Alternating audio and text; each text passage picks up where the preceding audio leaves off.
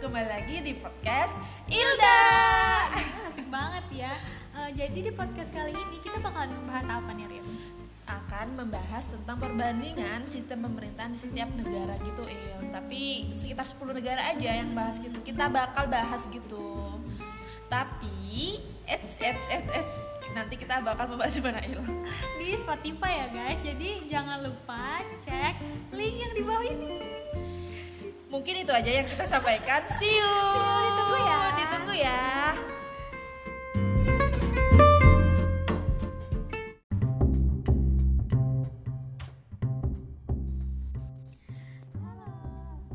Assalamualaikum warahmatullahi wabarakatuh. Kembali lagi di podcast Ilda. Kembali lagi banget setelah kolaborasi yang kedua kita hari ini. Bener banget nih. Hari ini bakalan membahas soal sistem pemerintahan 10 negara nih, Rin. Gimana nih menurut kamu, Rin? Ada negara kok loh yang kelahiranku Pasti banget kan? Gila, kita gila, kan gila. bule. Yoks.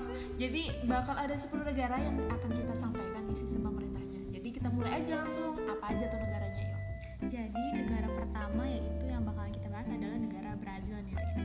Negara ini memiliki penduduk yang banyak banget bahkan didaulat sebagai negara yang terpadat di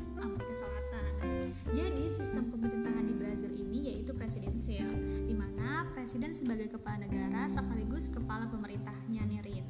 Dan presiden pun dipilih dan memberhentikan menteri-menterinya.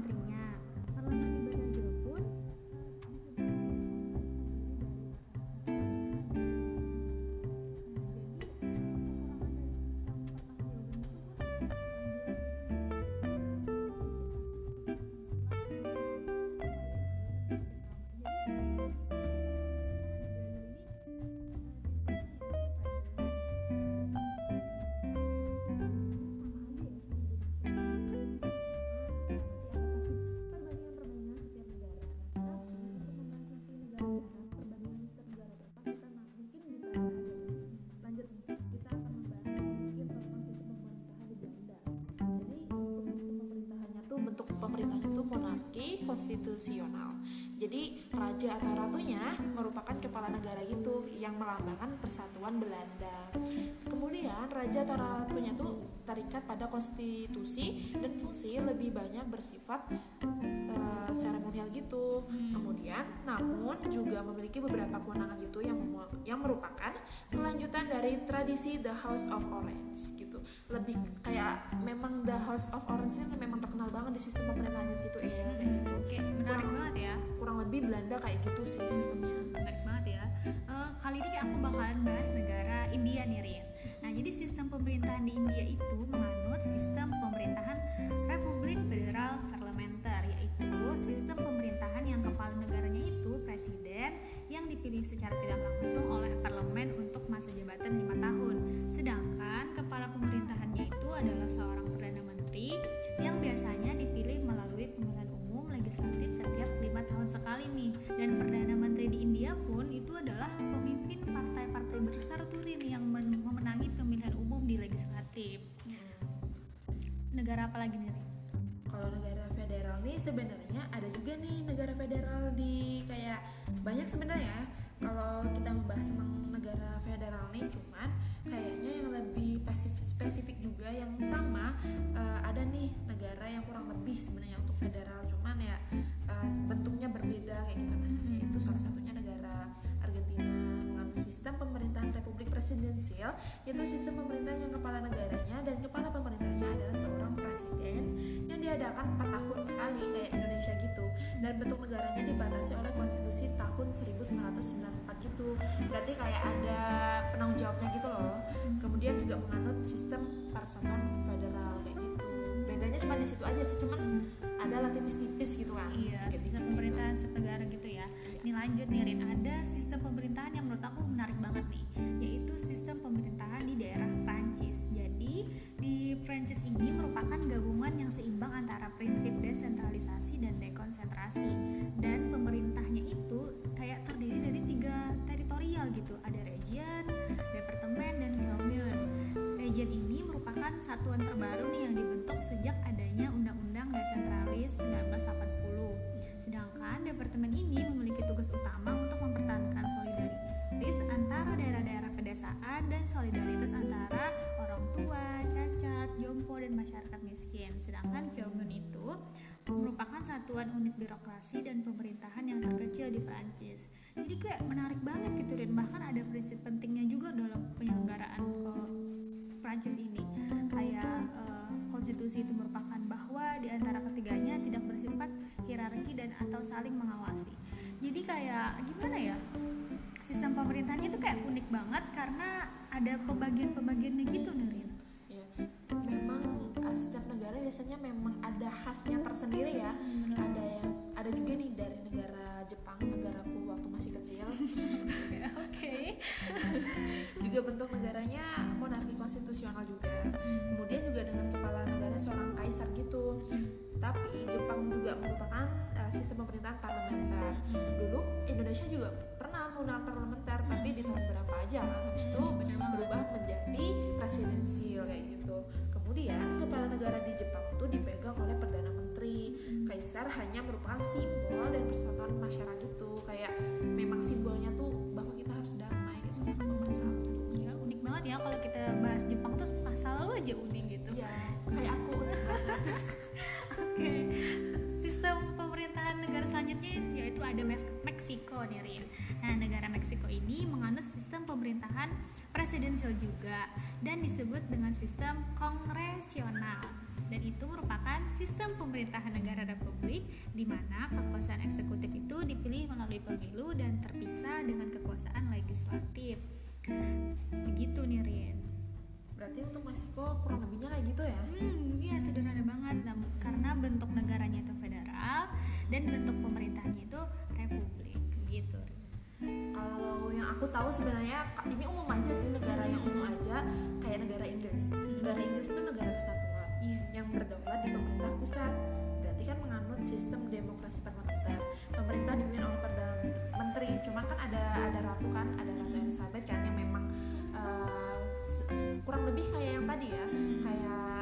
yang aku jelaskan tadi di eh, Jepang bahwa uh, ratu itu sebagai pemersatu juga. Cuman memang dipimpin oleh perdana menteri dalam pemerintahannya gitu dibantu perdana menteri gitu loh. Sistem uh, sederhananya seperti itu walaupun nggak semudah itu juga dalam sistem pemerintahannya kayak gitu. Bener banget. Eh, menarik ya dan selanjutnya nih Rin ada negara Jerman nih. Sistem politik di Jerman ini eh, sebuah republik parlementer federal. Eh, kalau kita bandingkan dengan Indonesia yaitu negara yang hukumnya itu kesatuan gitu. Kemudian eh, pembagian urusan pemerintahan daerah negara Jerman dan negara Indonesia nih Rin. Negara federal yaitu desentralisasi dilakukan oleh pemerintah negara bagian. Di negara federal sering kali undang-undang atau konstitusi itu eh, mengatur umumnya saja keberadaan pemerintah daerah di negara tersebut seperti di Jerman nih. Sedangkan untuk negara kesatuan kayak Republik Indonesia penyelenggaraannya itu kayak menganut asas desentralisasi, dekonsentrasi dan tugas pembantuan kayak gitu Rin. berarti uh, agak bertolak belakang sama dengan negara Iran ya jadi Iran tuh menganut sentralisasi gitu nama lengkapnya tuh bisa disebut biasanya Republik Islam Iran. Bentuk negaranya tuh kesatuan atau uh, yaitu perubahan uh, pemimpin secara substansi gitu dilakukan dengan cara pemilihan kayak gitu. Kemudian mengatur sistem asas sentralisasi atau maksudnya penyerahan kekuasaan dan juga wewenang pemerintah secara penuh dan pemerintah kepada pemerintah pusat gitu loh.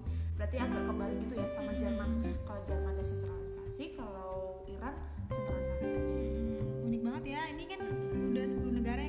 bahas Eh, kayaknya kurang lengkap deh kalau kita nggak bahas soal negara sistem pemerintahan di negara kita nih ya kan Rin? Eh, seperti yang Rinda jelasin tadi nih bener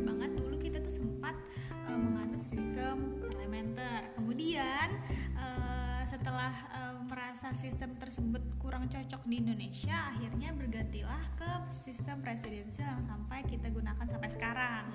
Eh, gitu. Jadi kayak apa ya? Kita tuh kayak sempat berganti-ganti sistem kemudian menemukan yang cocok nih dan berjodoh dengan sistem presidensial. Gimana menurut Linda nih? Kalau aku pribadi sebenarnya perubahan sistem tuh nggak semudah itu ya. Dan kita menggunakan sistem presidensial tuh uh, mau nggak mau juga ada plus minusnya juga kayak gitu loh. Pasti ada plusnya ada minusnya sama dengan presidensial tuh uh, penyesuaian budaya kerjanya pasti kan beda Iya, banget. bener jadi sistem pemerintah Indonesia sudah better lah dari yang sebelumnya menjadi yang lebih baik lagi. Kayak gitu. Pasti setiap uh, presiden kita yang sudah berganti ini menggunakan sistem sebaik mungkin dengan pembaharuan maksudnya budaya kerjanya kah atau apa. Cuman sistem kita memang sampai sekarang presidensial gitu Mm. dengan bentuk negara. Bener banget. Ka- Dengan sistem presidensial ini kita dipimpin oleh presiden dan eh, ada perdana menteri gitu. Dan itu menjadi kayak setiap tugas-tugasnya itu terbagi secara bagian gitu. Jadi kayak nggak ada namanya penumpukan-penumpukan tugas gitu. Jadi kan eh, karena presiden ini di negara Indonesia itu sebagai kepala negara dan kepala pemerintah, jadi kayak apa ya pemimpin kita cuma satu gitu loh, nggak ada yang kayak. Pusing gitu gitu Rin. nggak ada perdana menteri nggak ada raja dan ataupun itu mungkin ada daerah istimewa aja Iya, gitu yang nggak iya. masuk ke pemerintahan gitu ya. Gitu doang sih sebenarnya. Kalau Indonesia sebenarnya kurang lebih pasti kawan-kawan sekalian yang mendengarkan podcast ini juga paham sebenarnya. bener cuman eh, kita yang nggak bisa menjelaskan secara rinci banget karena memang waktunya juga terbatas banget untuk kita menjelaskan. Mungkin nanti kita bakal bahas lagi nih di sharing selanjutnya di podcast Indra selanjutnya banget di podcast ini. Jangan ke mana-mana. Dan terima kasih atas waktunya. Sekian terima kasih. Assalamualaikum warahmatullahi wabarakatuh